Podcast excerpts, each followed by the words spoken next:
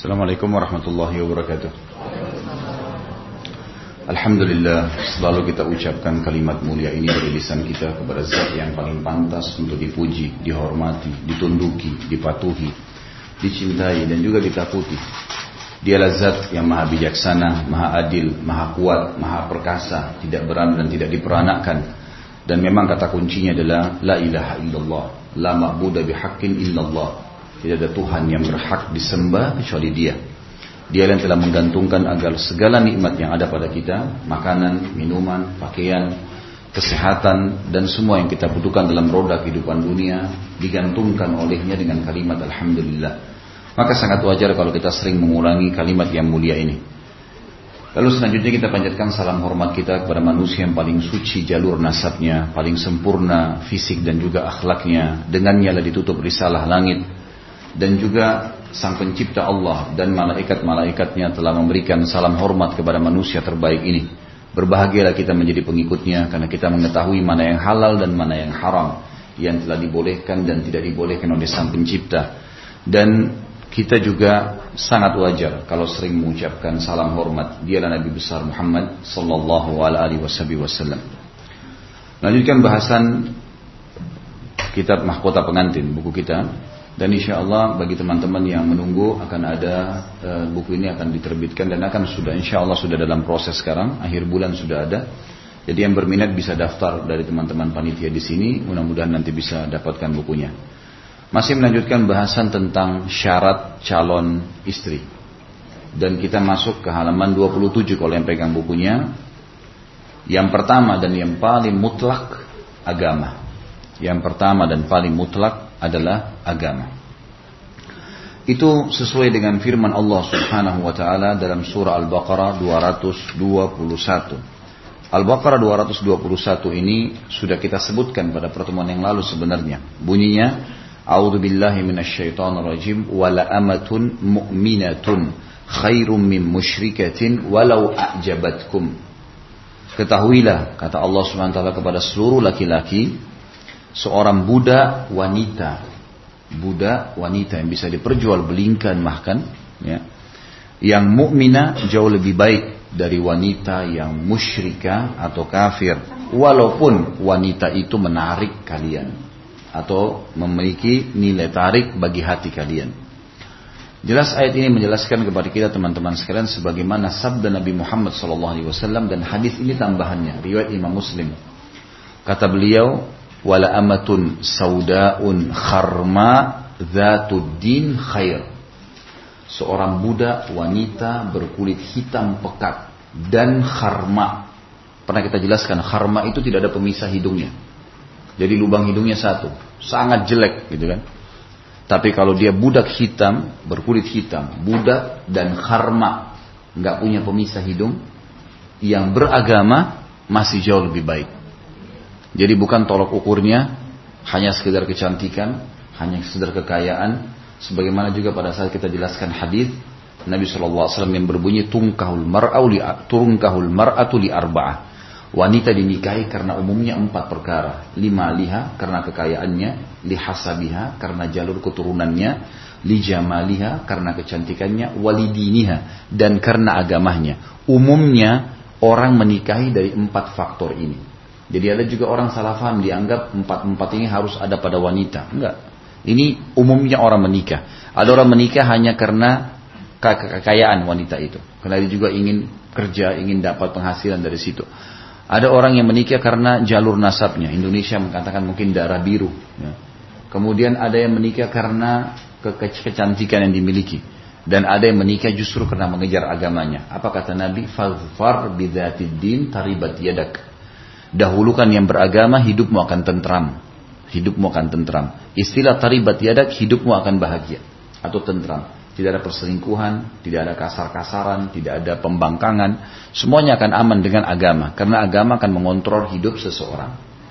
Ini syarat yang disebutkan pertama untuk calon mempelai wanita. Dan sudah kita bilang teman-teman sekalian. Mungkin ibu-ibu berkata atau akhwat kita berkata, saya wanita. Mungkin ini untuk laki-laki. Tidak saudariku. Ini juga buat Anda, karena Anda menjadi seorang ibu. Kalau anak laki-laki Anda mau menikah, harus memberitahukan syarat ini. Saudara anda mau menikah, berikan syarat ini. Bahwa saya memang harus mendahulukan agama si wanita. Dan memang agama ini yang memandu kita. Terlebih lagi, semua kekurangan fisik. Maaf kalau ada yang kebetulan sam. Kulitnya hitam. Mungkin ada cacat fisik. Mungkin matanya sipit. Mungkin rambutnya tidak indah. Gitu kan. Atau apalah kekurangan fisik ini. Ini semua hanya sifatnya di dunia. Akhirat nggak ada lagi. Kalau ada orang lahir di muka bumi ini anggap paling buruk, gitu kan? Lumpuh semua tangannya, lumpuh semua kakinya, matanya buta. Nggak bisa. Kalau manusia menganggap tidak bisa berfungsi orang ini, tetap dia akan bahagia kalau dia beriman, karena cacat fisik itu hanya duniawi saja, nggak dibawa sampai di akhirat. Semua orang di akhirat akan diberikan jasad baru, sesuai dengan hadis Bukhari, di mana Nabi saw bersabda, nanti kalian akan dibangkit, Allah akan turunkan hujan pada hari kiamat setelah ditiupkan sangkakala yang kedua. Sangkakala yang pertama itu untuk mematikan, memusnahkan semua yang Allah ingin musnahkan. Kemudian yang kedua pembangkitan, Allah akan turunkan hujan yang akan menimpa tulang-tulang ekor kalian. Yang darinya kalian akan tumbuh seperti tumbuhnya tanaman, seperti tumbuhnya tanaman. Maka Allah akan memberikan jasad baru. Semua laki-laki seperti ayahnya Adam 60 siku ke langit 27 setengah meter dan semua perempuan seperti poster ibunya Hawa ya 17 40 siku ke langit atau 17 setengah meter jadi nggak ada lagi pendek nggak ada lagi cacat dan semua penghuni surga kulitnya berwarna putih matanya lebar bahkan dikatakan dalam hadis yang sahih dalam hadis yang sahih bahwasanya laki-laki akan seperti ayahnya Adam poster tubuhnya kemudian ya e, e, wajah mereka seperti Yusuf dan hati mereka seperti Ayub Hadis ini hadis Hasan diriwayatkan oleh Baihaqi. Jadi jelas sekali di sini perubahan total. Tidak seperti lagi punya kekurangan dunia. Oleh karena itu, kita tarik poin ini kepada pemilihan pasangan. Kalau beragama walaupun punya kekurangan sedikit masalah fisik, itu tidak mengganggu teman-teman sekalian. Karena formalitas duniawi. Formalitas duniawi. Di akhirat sudah berbeda. Begitu pula dengan wanita-wanita yang disebutkan. Allah SWT menyebutkan ciri bidadari kalau mata mereka besar, jelita, putih sampai ya urat atau tul, darah atau daging mereka bisa terlihat dari lututnya. Ini adalah ciri perempuan surga dan para wanita mukminah akan menjadi pemimpin bidadari di surga, akan menjadi pemimpin bidadari. Mereka lebih sempurna daripada itu, lebih sempurna daripada itu. Sampai kata Nabi SAW kalau wa, wa, satu saja wanita mukminah yang di dunia yang masuk surga turun di muka bumi, maka cahaya wajahnya akan menerangi antara timur dan barat. Dan juga dikatakan dalam lanjutan hadis kalau kain yang diletakkan untuk ditaruh di rambutnya, kalau kita mungkin jilbab ya, itu dihempaskan di muka bumi ini maka baunya akan menyebar ke seluruh bumi ini. Itu ciri yang sederhana saja, gitu kan? Jadi berbeda sekali teman-teman sekalian. Tentu kalau Allah Azza wa Jal memudahkan buat kita untuk mendapatkan bergabung antara fisiknya, antara kekayaannya, antara jalur nasabnya, antara agama, Alhamdulillah. Tapi kalau tidak, tidak mungkin semua manusia punya kesempurnaan. Allah Azza wa Jal menciptakan memang berbeda-beda. Ada orang yang memiliki itu, ada orang yang tidak. Mungkin ada satu karakter saja. Ada orang kita temukan jalur nasabnya misalnya bagus, darah biru, tapi jahat, lisannya tajam, gitu kan, penjahat, nggak layak untuk jadi pasangan. Atau orang itu punya kelebihan fisik, gagah atau cantik, nggak nggak layak kalau orang itu jahat, percuma. Berapa banyak wanita muslim yang menikah karena laki-laki itu gagah, tidak tapi tidak beragama. Akhirnya tiap bulan ya melapor ke ibunya, melapor ke ayahnya, mukanya memar, ditampar, ditendang dan dan. Ini semua adalah akibat hanya mendahulukan fisik. Begitu pula dengan laki-laki. Sakit hati karena istrinya tetap berhubungan dengan laki-laki, selingkuh pada saat sudah menikah karena hanya fisik. Tidak ada agama di sini. Kehidupan ketentraman apa yang didapatkan? Tidak ada sama sekali. Makanya agama yang didahulukan, agama di atas segalanya.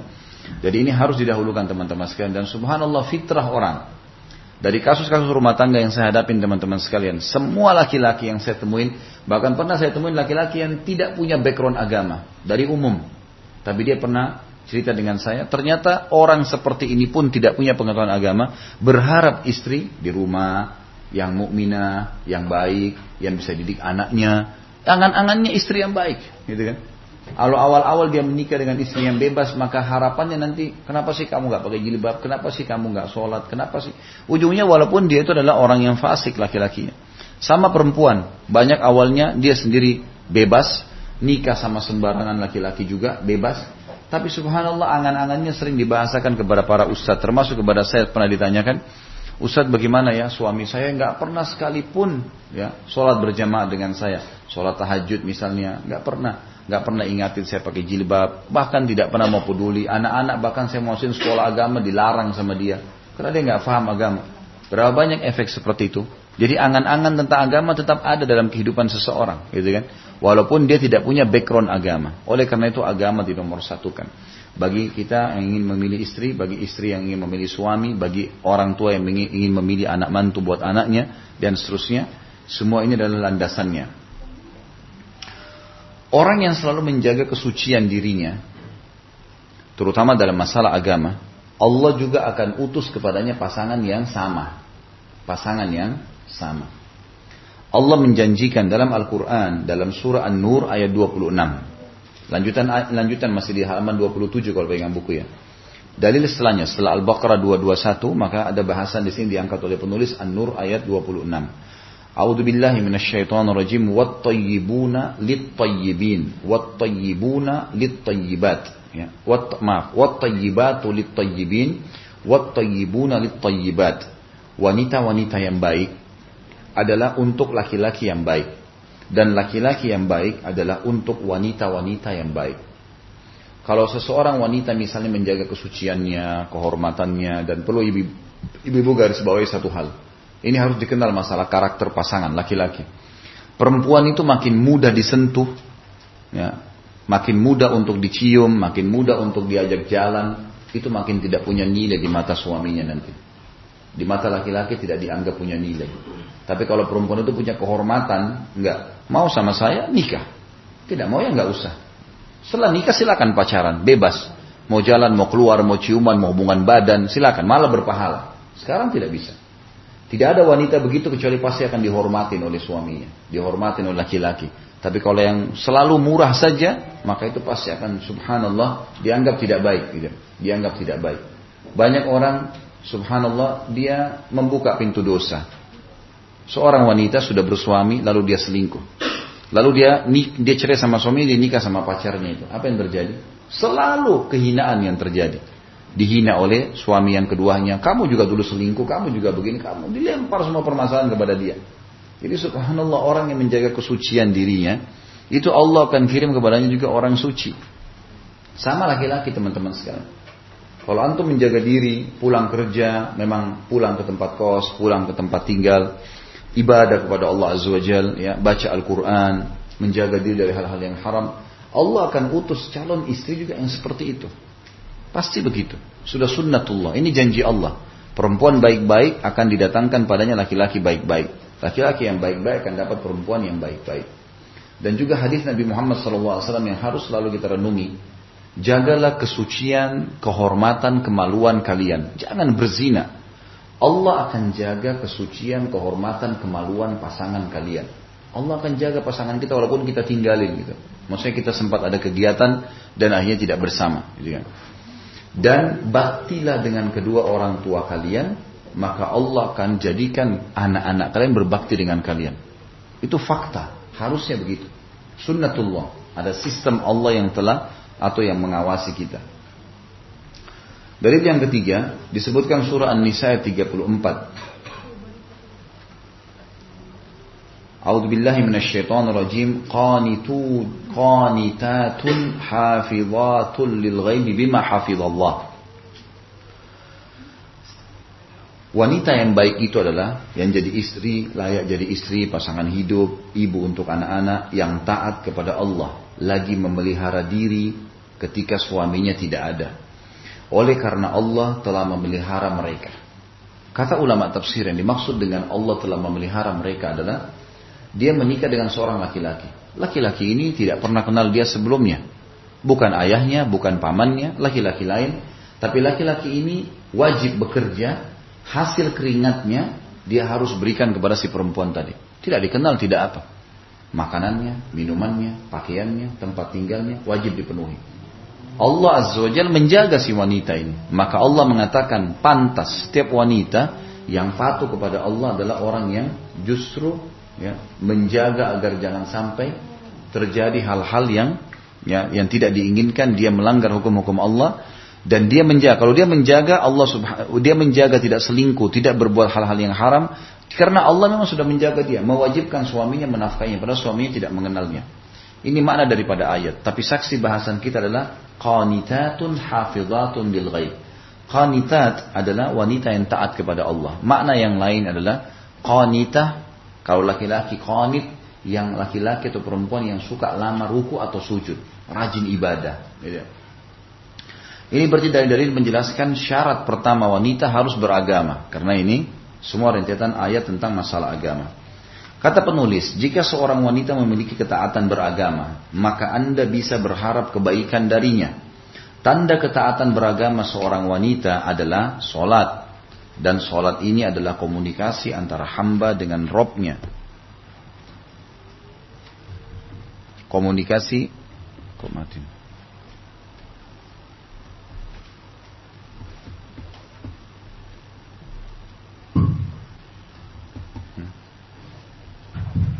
Coba diperbaiki.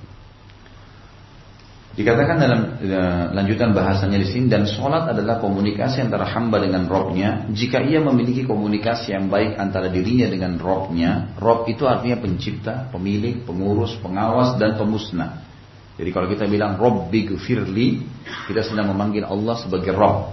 Rob berarti pemilik, ya, pengawas, pemusnah, penyiap segala kebutuhan. Ya maka Anda bisa berharap darinya akan terjadi komunikasi yang baik antara diri Anda dengannya. Dan Allah memiliki contoh yang tertinggi.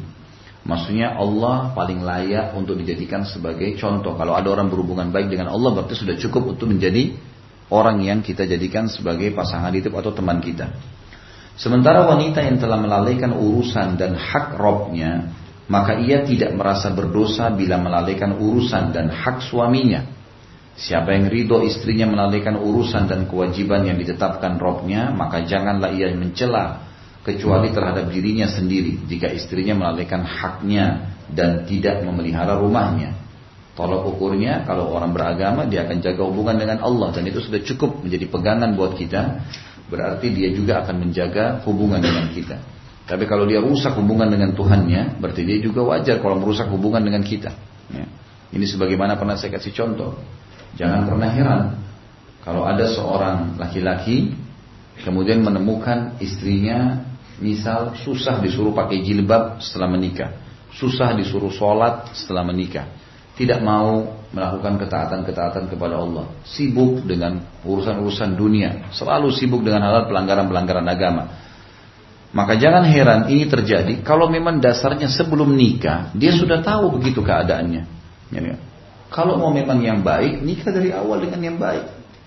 Bagaimana bisa kita berharap jilbab dipakai rapi dari seorang istri sementara dari sebelum nikah belum berjilbab? Kecuali kalau hidayah Allah datang, tapi butuh waktu. Tetap wajar gitu kan. Karena memang dari awal dia seperti itu. Dia nggak pernah sholat. Kemudian tiba-tiba kita berharap sekarang dia sholat, bukan lagi sholat lima waktu, sholat tahajud. Nggak mungkin lah dikerjakan sama dia. Gitu kan dan seterusnya. Pelanggaran-pelanggaran agama yang sudah biasa dikerjakan sama dia karena kelalaiannya, dia tetap akan kerjakan. Sama kita balik kalau perempuan. Banyak perempuan berharap suaminya baik, temani dia sholat berjamaah, tahajud, ingatkan dia supaya tutup aurat, ingatkan dia supaya menghafal Al-Quran misalnya. Tapi yang dinikahi sama dia, yang diterima lamarannya adalah laki-laki yang jauh dari ini semua. Gitu. Sholat aja enggak, ya masih sering dari sebelum nikah memang dia sudah tahu kalau laki-laki ini playboy suka gonta-ganti pasangan. Jangan heran kalau setelah nikah dia selingkuh gitu kan? Emang sudah begitu.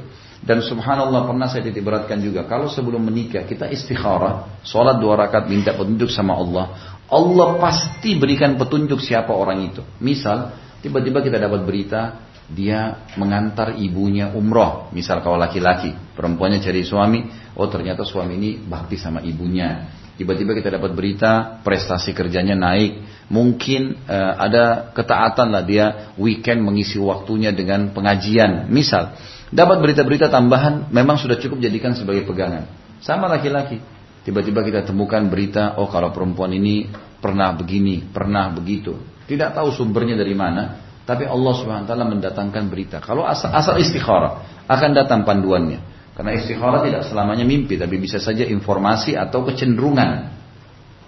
Itu bisa terjadi pada diri seseorang. Kata beliau, jika istri memiliki agama, maka ia berada di atas kebenaran. Ini adalah ke ini adalah keniscayaan. Ya. Maksudnya di sini kepastiannya. Islam adalah agama pertengahan. Siapa yang memeluknya maka ia berada di antara sikap berlebih dia di, di antara sikap berlebih-lebihan atau ifrat dan meremehkan tafrid. Pernah saya jelaskan dua istilah ini. Ada ifrat, ada tafrid. Ifrat itu adalah berlebih-lebihan.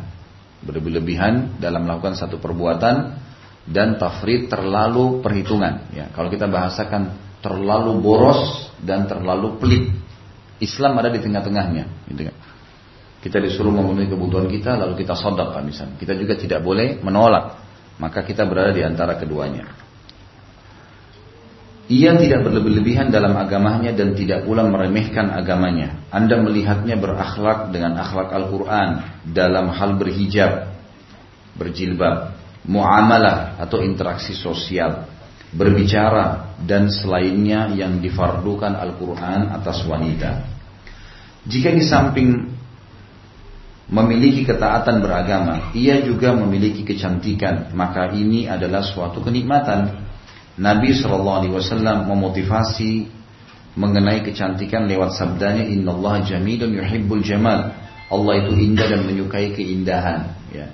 Berarti boleh kita Jadi kalau misalnya ada seseorang yang melamar Akhwat kita dilamar oleh seorang laki-laki Dua-duanya beragama Yang satu gagah, yang satu kurang. Boleh dia memilih yang gagah gitu kan Itu bisa, hal hak dia Seorang laki-laki mau melamar dua orang wanita, dua-duanya beragama, yang satu lebih cantik dari yang lainnya. Boleh dia memilihnya. Itu tidak salah dalam agama.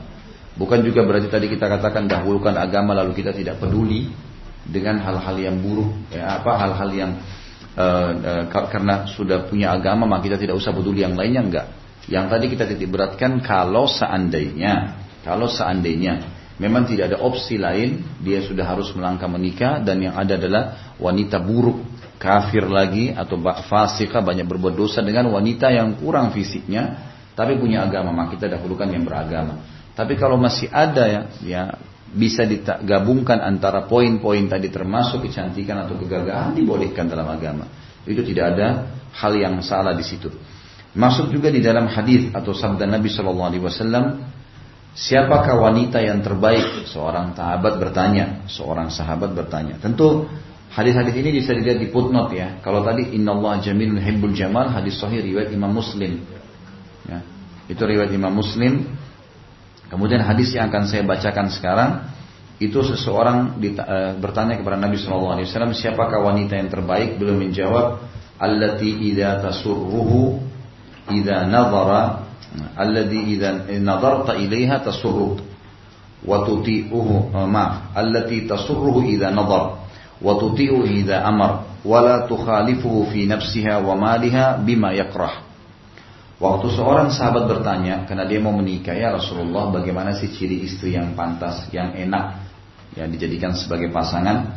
Kata Nabi SAW, wanita yang membahagiakan suaminya jika memandangnya. Jadi kalau suaminya lihat ke dia, dia selalu membuatnya gembira. Sebagian ulama hadis mengatakan mungkin dengan kecantikannya, mungkin dengan hiburannya, mungkin dengan tutur kata yang santun, gitu kan? Mungkin dengan penataan rumah yang bersih, mungkin dengan masakan yang enak.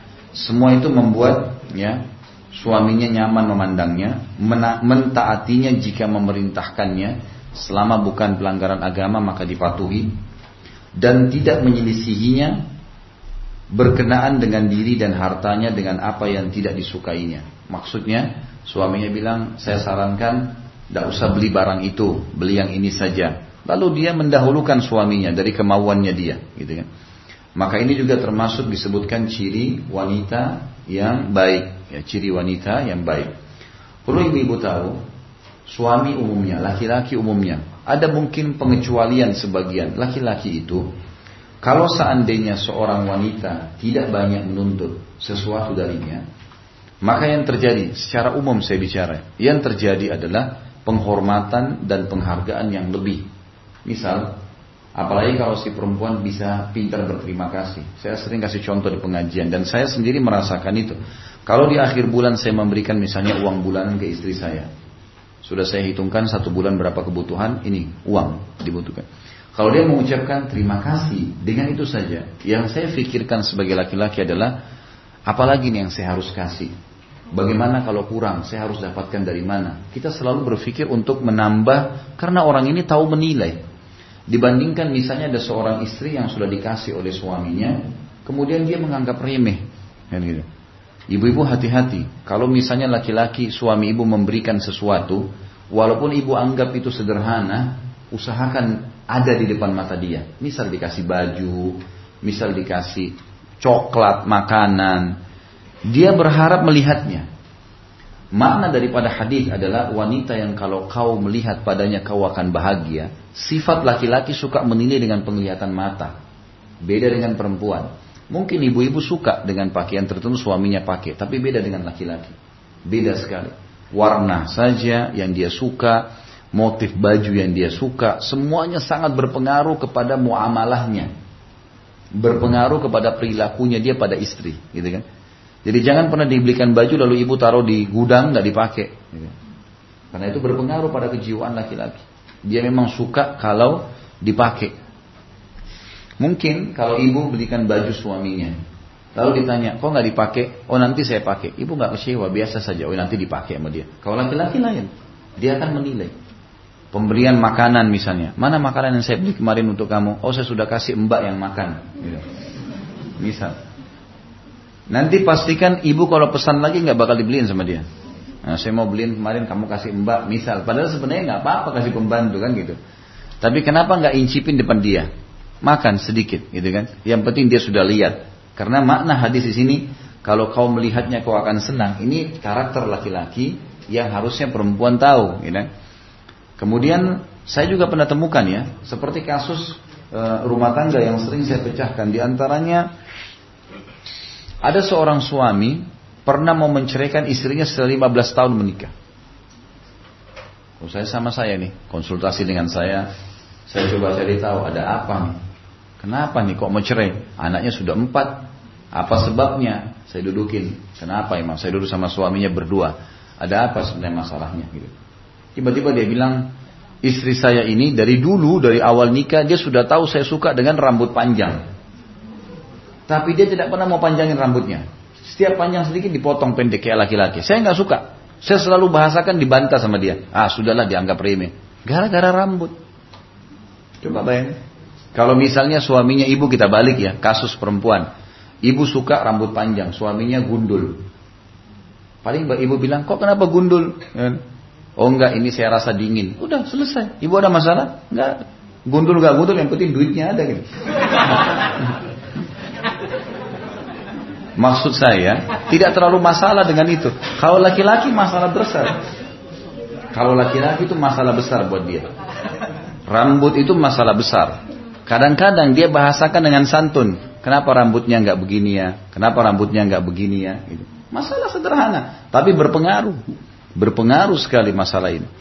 Jadi harusnya memang difahamin masalah ini. Termasuk juga dengan masalah warna pakaian tadi, penataan diri, kemudian juga masuk dalamnya penataan tempat. Nah, laki-laki nah, sangat peduli dengan itu. Ya. Dia suka kalau ada penataan, ada rapi, dan ini masuk dalam hadis yang pertama tadi kita sebutkan. Allah itu indah dan menyukai keindahan. Ibu-ibu harus punya keterampilan, latih anak-anaknya untuk bisa terampil. Rumah-rumah itu nyaman, bersih, ya. Dan juga rumah yang bersih dan rapi tidak akan dimasuki oleh syaitan. Ya, akan bagus gitu ya. Kemudian yang katakan di sini kalau kau perintahkan maka dia mentaatimu. Di sini berarti karakter laki-laki yang lain ibu-ibu sekalian dan tentu di sini laki-laki sangat suka kalau dia perintah karena ada kepemimpinan dalam jiwanya dia kalau perintah diikuti. Maka ibu-ibu pada saat mengalah di sini kalau dia bilang ayo kita keluar ke sini yuk.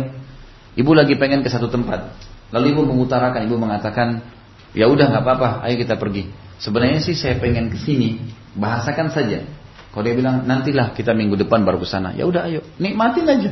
Nggak ada masalah, nggak usah dibuat masalah gitu kan.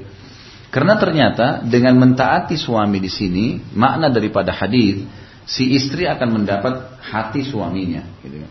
Karena dia akan selalu membanggakan istrinya yang patuh dengan dia selama bukan kemaksiatan. Di sini bukan berarti ibu tidak memenuhi kebutuhannya, tidak. Tetapi dengan memberikan kesempatan dia dahulu, pastikan dia juga akan berkorban buat ibu di satu waktu. Ini makna daripada kalau engkau menta, e, men, wanita itu mentaatinya jika ia memerintahkannya si suami. Ada mobil B1566 Siapa punya nih? Tolong dipindahin. Nutup jalan ya. Tolong sekali lagi B1566 SYD mobil freight warna hitam. Tolong kerjasamanya karena ini kantoran ya mungkin mengganggu menutup jalan orang. Kemudian yang selanjutnya adalah tidak menyelisihi berkenaan diri dan harta suami tadi dengan apa yang tidak disukainya. Jadi kalau suami nggak suka dengan warna tertentu, jangan dipaksain walaupun ibu suka, kan gitu. Jadi dahulukan dalam masalah itu, otomatis suami akan menghormati istrinya. Ada unsur timbal balik itu, ada unsur timbal balik. Kemudian yang kedua, sifat yang harus dimiliki atau sifat yang semestinya ada pada calon istri. Dikatakan oleh penulis, maaf, ada ada paragraf yang saya lupa baca. Kata penulis wanita yang beragama lagi cantik adalah cahaya di atas cahaya dan jika ia juga memiliki harta dan kedudukan maka ia telah menghimpun sifat kebaikan yang banyak. Tapi kalau cuma agama yang ada maka agama yang didahulukan. Yang kedua adalah yang harus dimiliki calon istri. Di antara sifat yang dituntut pada seorang istri adalah wanita yang penuh kasih sayang. Lagi banyak keturunan. Sebagaimana sabda Nabi Muhammad sallallahu alaihi wasallam. Tazawwajul waludul waludal wadud fa inni mukathirum bikum umam yaumal qiyamah. Menikahlah dengan wanita yang banyak anak lagi penuh dengan kasih sayang. Karena aku akan membanggakan jumlah umatku ada tambahan riwayat pada hari kiamat nanti. Jadi di sini diharuskan mencari wanita yang subur. Cara tahunya dari mana? Dari jalur ibu. Jalur ibunya. Ini sudah pernah kita jelaskan ya. Jadi kalau seseorang mau menikah dalam Islam, kalau dia mau tahu tentang fisik keturunannya nanti, warna kulit, rambut, paras wajah, semua itu dari jalur ayah. Eh, maaf, dari jalur ibu. Eh, astagfirullah. Dari jalur ayah. Fisik jadi jalur ayah. Kulit, paras wajah, rambut, semua dari keluarga ayah itu. Jadi kalau keluarga calon mempelai kita, laki-laki atau perempuan, ya keluarga ayahnya misalnya tinggi-tinggi semua itu anak-anak kita juga akan begitu. Semua ikut dari keluarga ayah. Karakter, sifat dari keluarga ibu, dari keluarga ibu. Nah makanya termasuk dalam keluarga ibu selain karakter adanya jalur ya eh, maaf dari keluarga ibu karakter dari keluarga ayah fisik dari keluarga ayah bisa dinilai kesuburan kesuburan jadi kalau misalnya keluarga ayahnya banyak keturunannya gitu kan nah itu berarti insya Allah ke bawahnya juga subur gitu. Ini salah satu trik untuk mengetahui dan saya pernah jelaskan teman-teman kalau masih ingat ada tiga cara untuk mengetahui calon pasangan tanpa pacaran. Yang pertama kenali fisik saja yang boleh dilihat wajah dan telapak tangan, gitu kan? Sesuatu kata Nabi SAW lihatlah sesuatu yang menarik dari calon pasanganmu wajah, mungkin alisnya, mungkin matanya, mungkin hidungnya, mungkin bibirnya, kulitnya, cukup sebatas wajah. Wajah menggambarkan kata ulama fikih kepala sampai ke perut.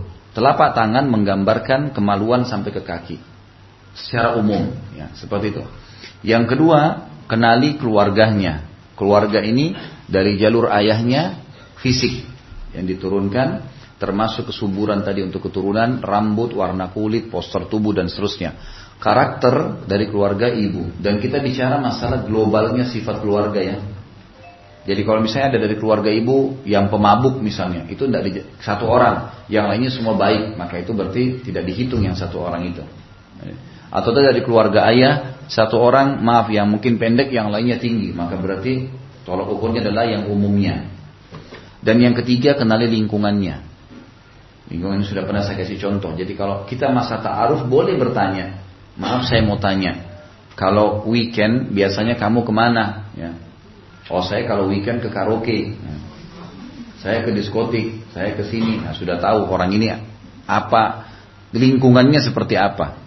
Atau kalau saya weekend, oh saya punya ibu yang tua, saya bakti. Atau saya hadir di pengajian, ada rutin di masjid ini, di masjid itu, di masjid ini, dan seterusnya. Atau saya kembangin potensi saya dalam menulis misalnya. Ya, saya habiskan waktu di perpustakaan. Nah itu berarti kita sudah bisa tahu tentang lingkungannya. Yang jelas subur adalah faktor yang harus diketahui. Jadi kata ulama kalau bertemu antara rasa suka cenderung dengan mandul maka harus didahulukan ya, harus ditinggalkan. Walaupun suka tapi mandul nggak boleh dilanjutin pernikahan. Karena Nabi Shallallahu Alaihi Wasallam di sini perintahin pakai fi'lul amr, gitu kan? Pakai fi'lul amr, menggunakan kata amr. Ya. Kemudian juga yang penuh kasih.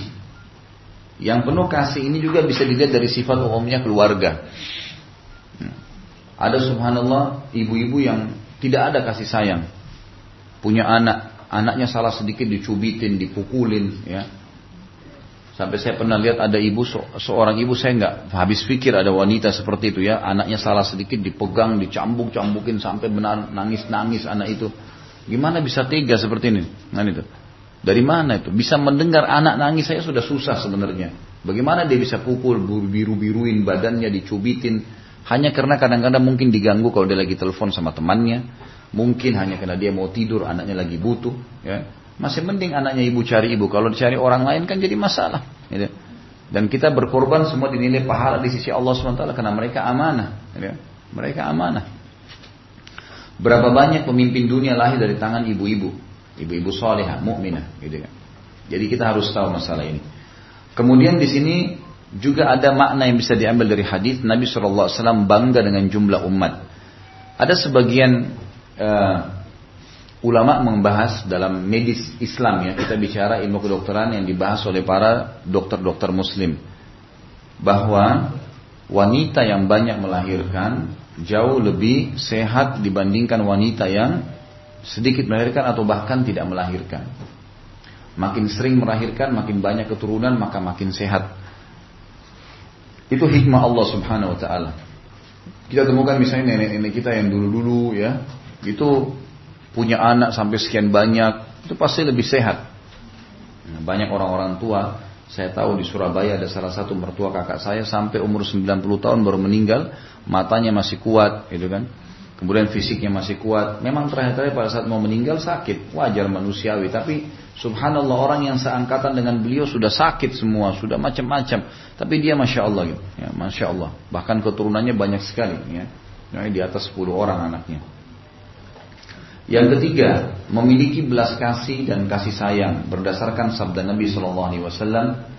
Tadi itu poin kedua lebih fokus ke masalah suburnya ya.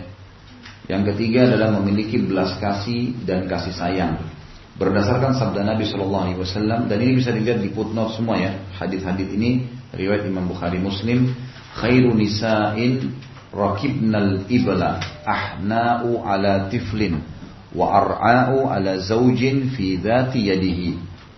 Sebaik-baik wanita yang mengendarai unta. Ini mobil lagi nih. E2108 B2108 SFB Agia Putih. Mobil Agia Putih B2108 Kata Nabi SAW sebaik-baik wanita yang mengendarai unta ialah ya, yang paling belas kasihan. Sebenarnya bukan ialah ya, sebaik-baik wanita yang bisa mengendarai unta. Ya. Dan di situ ialah kalau pegang buku diganti dan ya, yang paling belas kasih kepada anak-anak dan paling menjaga hak suaminya. Ini disebutkan ada belas kasih kepada anak-anak dan tolong ukurnya bisa ditahu perempuan itu baik atau tidak bagaimana dia lembut dan baik pada anaknya dan suaminya.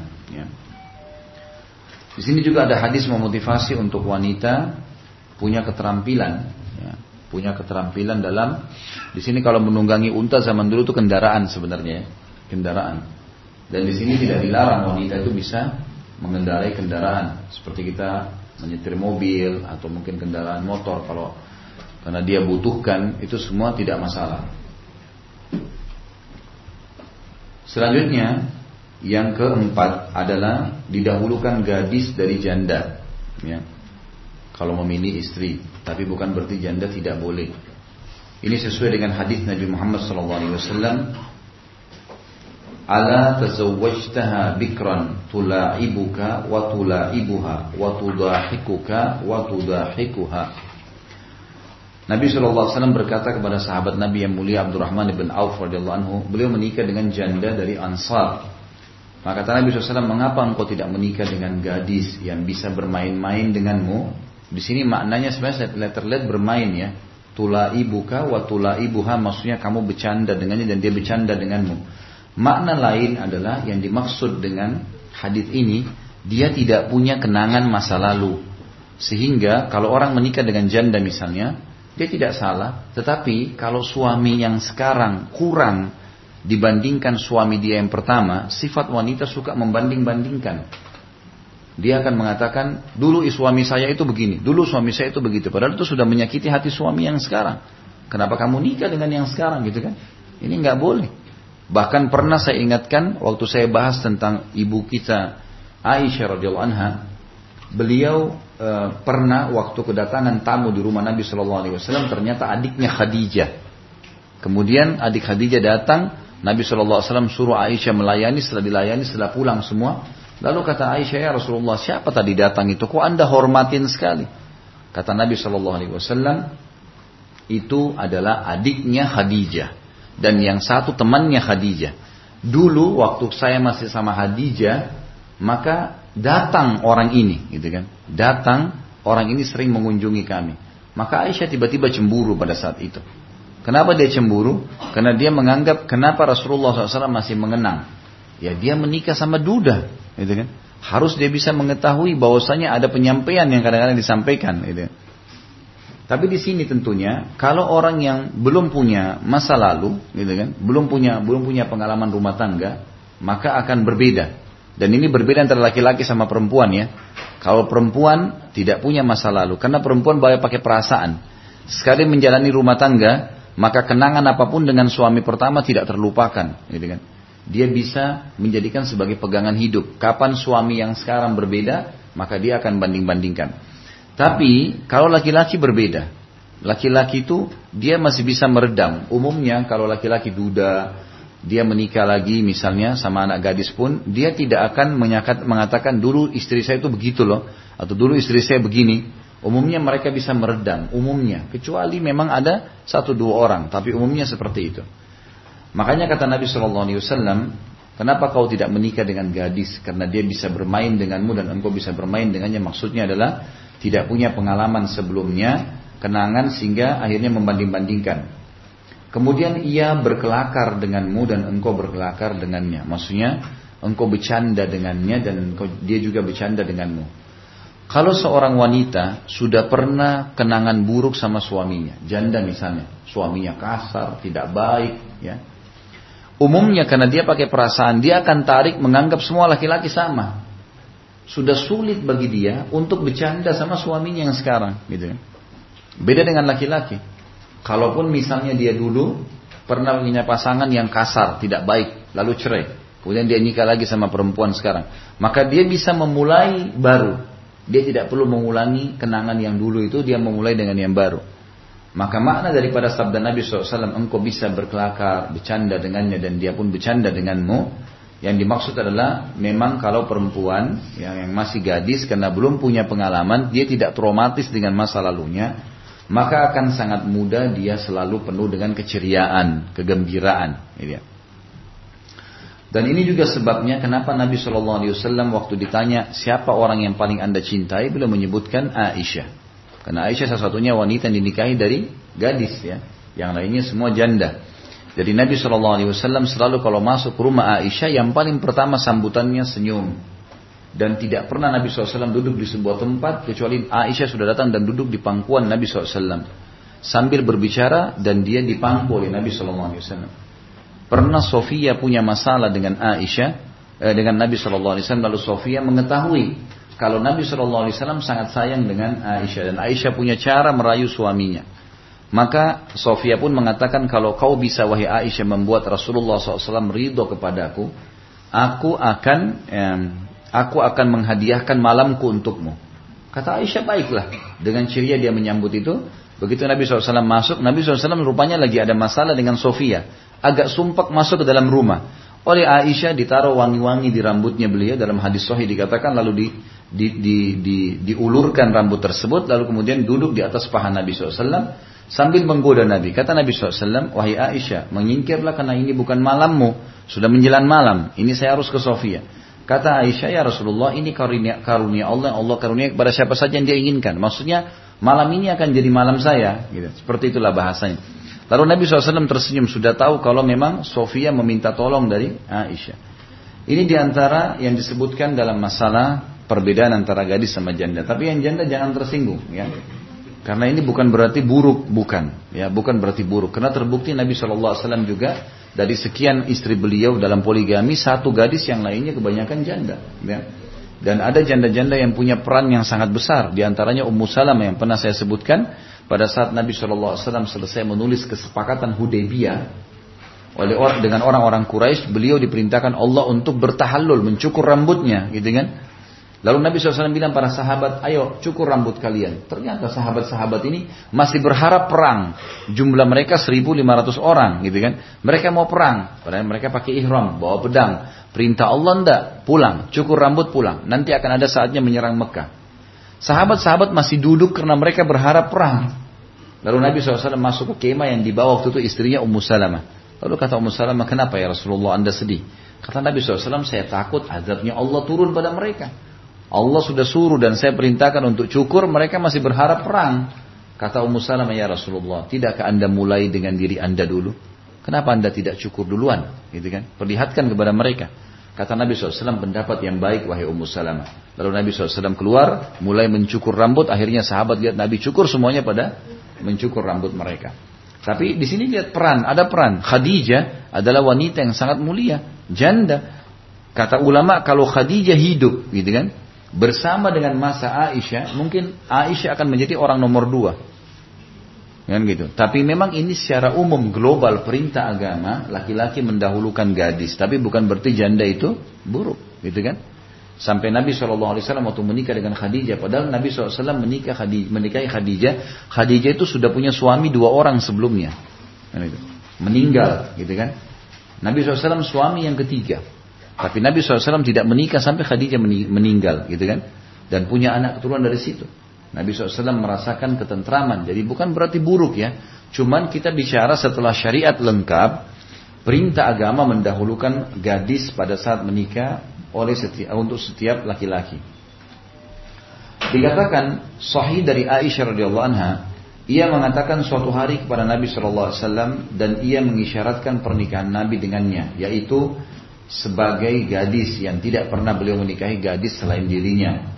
Dalam riwayat yang sahih disebutkan, "Ara'aita law nazalta wadiyan wa fihi syajaratun qad ukila minha wa wajadta syajaran lam yukal lam yukal minha fi ayyaha kunta turti'u ba'iraka qala fil ladhi lam yurta' minha ta'ni anna Rasulullah sallallahu alaihi wasallam lam yatazawwaj bikran gairaha Sebelum saya terjemahkan, kalau ada di antara ibu-ibu yang ingin menyinggung sesuatu pada suaminya, ingat kenali karakter laki-laki.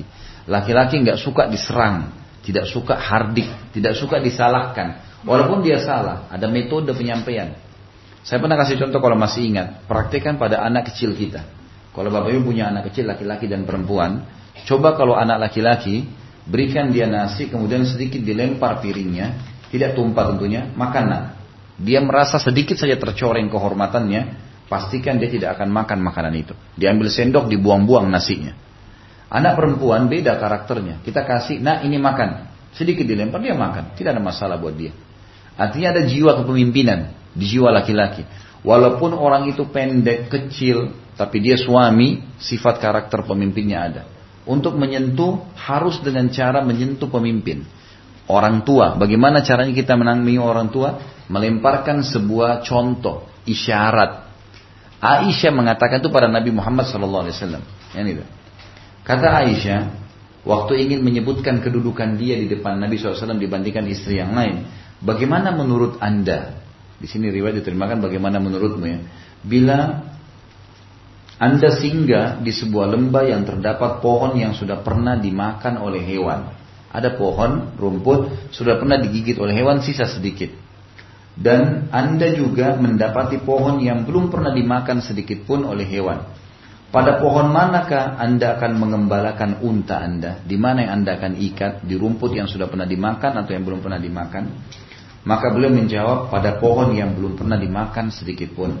Maksudnya adalah Aisyah bahwa Nabi SAW tidak pernah menikahi menikah dengan gadis selain dirinya. Maksudnya saya belum pernah kenal laki-laki sebelumnya gitu. Maka banding perbandingan saya dengan istri Anda seperti rumput yang pernah dimakan dan yang tidak pernah dimakan. Jadi Aisyah menggunakan isyarat ya, tidak menyinggung secara langsung gitu. Dan Nabi SAW menukung itu, tidak ada masalah. Jadi ada alasan yang mendorong untuk menikahi janda. Ya. Jadi ada alasan yang mendorong untuk menikah menikah dengan janda ini terjemahnya kurang tepat ya. Jika ada alasan yang mendorong ya, tepat ini. Jika ada alasan yang mendorong untuk menikahi janda, maka itu tidak masalah. Ya. Artinya memang kalau janda itu baik ketemu dengan gadis yang buruk misalnya, ya janda yang didahulukan, gitu ya. Kita bicara kalau bertemu antara janda yang baik dengan gadis yang baik, maka diprioritaskan yang baik karena rentetan hukum-hukum tadi tetap berlaku ya agamanya, yang subur kan gitu. Kemudian yang penuh kasih sayang, barulah kemudian masuk gadis satu janda. Salah satu anekdot yang diriwayatkan mengenai perbedaan antara janda dengan gadis bahwa seseorang sahaya wanita pernah dihadapkan di hadapan Khalifah Al-Mutawakkil. Lalu Khalifah bertanya, "Apakah engkau gadis atau janda?" Ia menjawab, "Janda wahai Amir Mukminin." Salah seorang dari mereka membeli sahaya wanita ia lalu bertanya kepadanya, aku tidak mengiramu kecuali masih gadis. Ia berkata kepadanya, sungguh telah terjadi banyak penaklukan di masa Al-Wasid. Ya. Salah seorang dari mereka berkata kepada sahaya wanitanya, apakah engkau masih gadis? Yang menjawab, aku berlindung kepada Allah dari Al-Kasad atau janda. Dua orang saya, nanti saya jelaskan ya. Saya datangkan dulu ini, setiap paragraf ada maksudnya.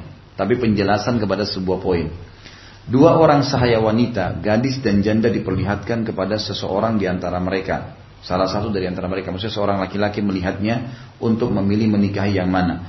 Maka ia cenderung kepada yang gadis, maka yang janda mengatakan, engkau menginginkannya padahal jarak antara aku dengannya hanya sehari. Maksudnya umurnya sangat dekat. Maksudnya jarak antara kegadisan dan menjadi janda hanya semalam. Ia mengatakan kepadanya, wa inna yauman inda rabbika ka'alfi sanati mimma ta'uddun. Lalu laki-laki itu menjawab firman Allah surah Al-Hajj ayat 47 tentang perbedaan hari dunia sama hari akhirat. Karena kan sejanda tadi bilang, perbedaan antara saya sama gadis ini, kau padahal kau pilih gadis cuma sehari. Maksudnya perbedaannya cuma karena perawan dan tidak perawan. Perawan semalam sudah tidak ada, gitu kan. Maka laki-laki ini menjawab sesungguhnya hari satu hari di sisi Allah di hari kiamat nanti seperti seribu tahun menurut perhitungan kalian. Maksudnya walaupun sehari nilainya tetap mahal gitu loh. Ini anekdot ya yang dibahasakan sering terjadi pada saat dulu untuk membahasakan. Yang kita ambil dari empat paragraf ini adalah bagaimana seseorang tidak tersinggung pada saat ada pertanyaan-pertanyaan. Misal ditanya, itu, e, tentang masalah yang mana kamu lebih pilih. Seorang istri bertanya pada suaminya, Waktu kamu nikah dengan saya, saya masih gadis. Kamu lebih pilih gadis atau janda? Dia bertanya. Lalu suaminya mengatakan, tentu saja gadis misalnya.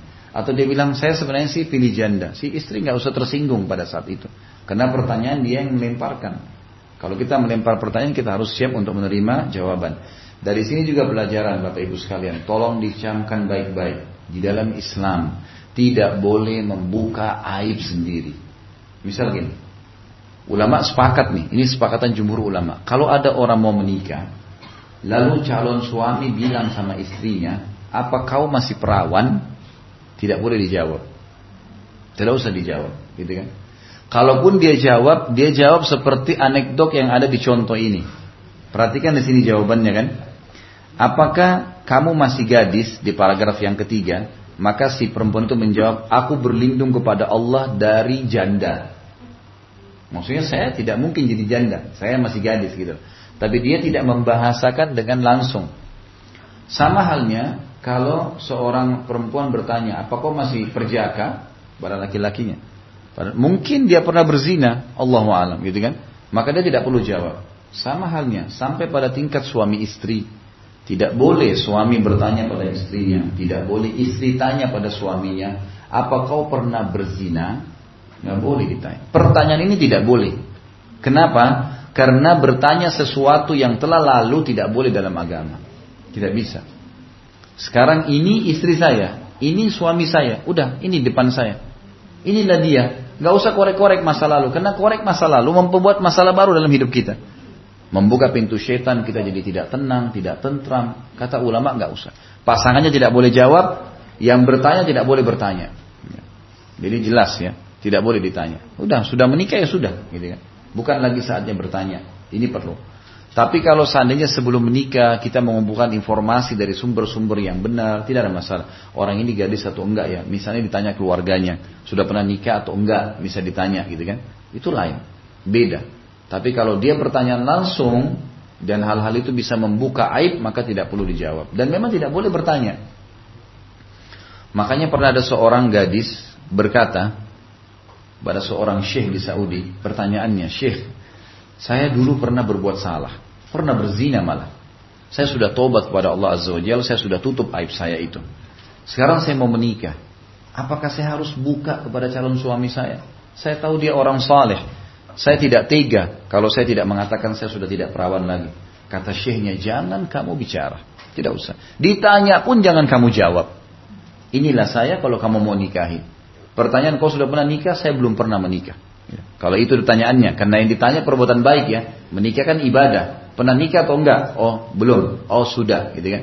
Tapi apa kau perawan atau enggak? Ini enggak ada jawaban. Apa kau berjaga atau enggak? Enggak ada. Apa kau pernah berzina? Enggak ada jawaban. Nggak ada urusannya dengan itu karena Islam tidak melihat masa lalu seseorang. Dan kata Nabi Shallallahu Alaihi Wasallam, kalau sesuatu sudah terjadi, jangan katakan kalau seandainya, karena kalau seandainya membuka pintu syaitan. Tapi katakan la qaddarallahu ma syaa fa'al. Ini yang kita bisa ambil dari paragraf-paragraf tadi. Berarti jawaban pun kalau dibutuhkan dengan santun dan juga ada pertanyaan yang tidak perlu dijawab. Dikatakan wanita itu termasuk orang yang terdidik lewat hidangan Al-Quran dan Sunnah, bukan wanita yang terdidik lewat hidangan Timur dan Barat. Maksudnya wanita-wanita yang faham sehingga mereka jaga kesuciannya adalah wanita yang terdidik lewat hidangan Al-Quran dan Sunnah. Selalu tiap hari yang didengarkan ayat, hadis, pengajian, majelis-majelis yang baik, ya orang tuanya selalu nasihatin, bukan terdiri dari hidangan timur dan barat, maksudnya tradisi-tradisi non-muslim yang berjalan dan mengulurkan, menjulurkan lidah di belakang segala yang baru di dunia mode, pakaian, cat kuku, dunia kaset dan penyanyi. Di, ia mengambil jalan dan teladannya dari penyanyi, penari dan pameran film atau baik baik laki-laki maupun perempuan. Jadi wanita yang baik adalah yang beragama tolak ukurnya memang jalan di atas agama itu, bukan yang jalan di atas kehidupan non muslim. Itu maksudnya. Saudaraku kata penulis, hati-hatilah mengambil teman wanita yang tidak berkerudung. Maaf, tidak berkudungkan dengan kerudung robnya. Dan lebih mendahulukan kerudung seniman dan orang jahat. Lalu ia menelanjanginya dan menutupinya. Ia menjadikannya sebagai barang dagangan yang dipajang untuk setiap orang yang punya sepasang mata agar melihatnya. Jadi kalau pelukis kan setelah dia lukis dipajang untuk semua pasang mata melihatnya. Bahasanya ini, bahasa bahasa kiasannya adalah jangan kau menikah dengan wanita ya kecuali dia menggunakan kerudung robnya. Maksudnya Allah suruh tutup ya ditutup. Tidak semua orang bisa lihat ya tidak semua orang bisa lihat gitu kan. Dan jangan seperti kerudung seniman yang memang kalau dia gambar maka semua orang akan melihat dengan matanya. Sepasang mulut agar membicarakan di sini ia menjadikannya sebagai barang dagangan yang dipajang untuk setiap orang yang punya sepasang mata agar melihatnya, sepasang mulut agar membicarakannya, mencandainya dan menelponnya, mengendusnya di jalan dan alat transportasi. Maka pilihlah wanita yang memiliki agama agar engkau tidak menjadi hina. Ya. Jadi ini dibahas tentang masalah pentingnya mendahulukan wanita yang mukminah, ya wanita yang mukminah. Baik selanjutnya kriteria istri soleha. Tadi itu memilih calon istri. Sekarang kalau sudah jadi istri, kriteria istri yang soleha. Kita tutup dengan bahasan ini. Nanti ke depannya kita akan bahas landasan memilih suami. Tadi kan ini landasan memilih istri. Kemudian kita masuk ke kriteria istri solihah sekarang. Setelah itu akan ada bahasan landasan memilih suami. Kriteria istri solihah di antaranya ialah kata penulis istri yang mendengarkan kata-kata suaminya dengan baik dan membantunya dalam ketaatan kepada Allah. Istri yang lemah lembut, baik, belas kasih. Ya. Dan di sini dulu ya, lembut, baik dan berbelas kasih. Ingat, ibu dikaruniai oleh Allah kelembutan, perasaan. Ya. Semua itu adalah senjata ibu. Laki-laki dikaruniahi ketegasan. Memang dipersiapkan, ibu dipersiapkan untuk rumah, didik anak, masak, ngurus rapi-rapi, meninggal masuk surga. Gitu. Bapak-bapak ditugasin nagih utang, jihad, sholat berjamaah, ngantar jenazah di luar, debu, panas, memang tugasnya begitu. Kalau ibu menghadapi suami sebagaimana sifat laki-laki, misal ada ibu-ibu maunya tunjukin sama suaminya dengan kata-kata kasar. Seperti laki-laki. Maka pastikan suaminya akan hadapi dia seperti laki-laki. Kan itu. Ibu jangan heran kalau suami tiba-tiba kasar karena ibu memulainya. Gitu. Tapi ibu punya senjata. Air mata, kelemah lembutan, kata-kata santun, ya, bercanda. Semua itu adalah senjata yang tidak dimiliki oleh laki-laki. Kalau itu yang digunakan, laki-lakinya akan sayang dengan dia. Karena berbeda. Dia menganggap manusia mau, di, mau dilindungin. Beda. Saya pernah punya teman, nikah subhanallah, enam bulan diceraikan istrinya. Kaget. Saya tahu orang agama nih. Selalu duduk sama saya ngobrol hampir tiap hari. Kebetulan beliau orang Mekah ya. Kemudian ngobrol, saya ngobrol sama dia. Akhi, syekh dia sebenarnya. Tapi teman dekat saya, dosen di Umul Qura. Saya tanya, kenapa antum ceraikan istri? Dia cerita, saya ceraikan istri saya. Kenapa antum ceraikan? Ada apa kok diceraikan? Ya ente orang agama, saya nasihatin dia lebih dulu kan. Setelah itu langsung dia bilang sama saya, ente nggak kena, ente nggak tahu ya Khalid. Ente ini tidak ngerti. Saya ceritain dia bilang, karena kamu sudah bertanya saya ceritain. Ini perempuan, tidak ada bedanya sama dengan teman saya di kantor. Persis, laki-laki gitu kan. Kalau saya pulang kantor, pulang ngajar dari kampus, di depan pintu, begitu buka pintu, yang paling pertama tangannya di pinggang lalu bertanya, kenapa kau telat? Gak ada sambutan, senyum yang ke betina perempuan. Gak ada perempuannya senyumnya, dan danannya gak ada, wanginya gak ada. Tangan di pinggang kenapa kau telat? Saya seperti anak kecil. Oke lah, saya bersabar bulan pertama, bulan kedua, bulan ketiga. Saya nasihatin baik-baik sama. Belum belum cukup situ dia bilang, saya masuk ke rumah, Tas saya tidak diambilin, saya buka sepatu sendiri, saya masuk duduk di ruang tamu, baru buka sepatu saya tanya, ada makanan nggak? Itu ada di meja makan, silakan. Makan sendiri di meja makan, gitu kan? Nggak ditemanin duduk makan, disendokin, kan nggak ada. Jadi tidak ada sesuatu yang dia bisa menyentuh suami untuk sayang sama dia, nggak ada. Lebih parah lagi dia bilang, saya kalau malam lagi ngetik tugas, mau ngajar besok, ngetik tugas di komputer, dia datang, tangannya sama selalu di pinggang, ayo tidur sudah malam. Ini dia bilang saya nikah sama polisi atau perempuan. Memang begitu polanya, gitu kan. Saya nasihatin nggak mau dengar, memang jawabannya saya sudah begini, terserah mau terima atau enggak. Ya sudah dicerain, gitu. Padahal orang ini sangat luar biasa, saya tahu orangnya masya Allah imannya baik dan dia santun, dia nasihatin dengan baik, tidak mau dengar. Jadi hati-hati. Di sini banyak orang salah guna. Sama laki-laki kalau kita balik ya. Laki-laki antum diberikan ketegasan. Suaranya memang lebih lantang untuk memimpin. Jangan antum tiba-tiba ubah menjadi seperti perempuan. Nggak ada nilai depan istri nanti. Tiba-tiba berubah mulai ke Hah? Saya nggak sebut. Pasti nggak dihormatin sama suaminya. Cuma perempuan suka laki-laki yang tegas, yang jantan, gitu kan. Ini kalau pulang ke rumah terus berubah semua, ini hati-hati. Ya. Ini tidak baik, semuanya begitu. Harus sesuai dengan karakternya. Perempuan suka alaminya dengan laki-laki yang pembela, melindungi gitu kan. Tapi bukan kasar ya. Beda tegas dengan keras. Keras haram, nggak boleh. Tegas halal. Tegas itu gini, saya nggak mau kau gini, saya mau kau begini, saya mau kau ikut. Itu lain, tegas. Tapi kasar itu mulutnya kasar, matanya tajam, tangannya melayang. Ini nggak boleh dalam Islam. Haram, nggak boleh dalam Islam. Gitu kan? Jadi harus difahamin ya. Letakkan masing-masing dengan karakternya. Dikatakan istri yang mendengarkan kata-kata suaminya dengan baik dan membantunya dalam ketaatan kepada Allah. Istri yang lemah lembut, baik dan belas kasih. Kemudian zuhud.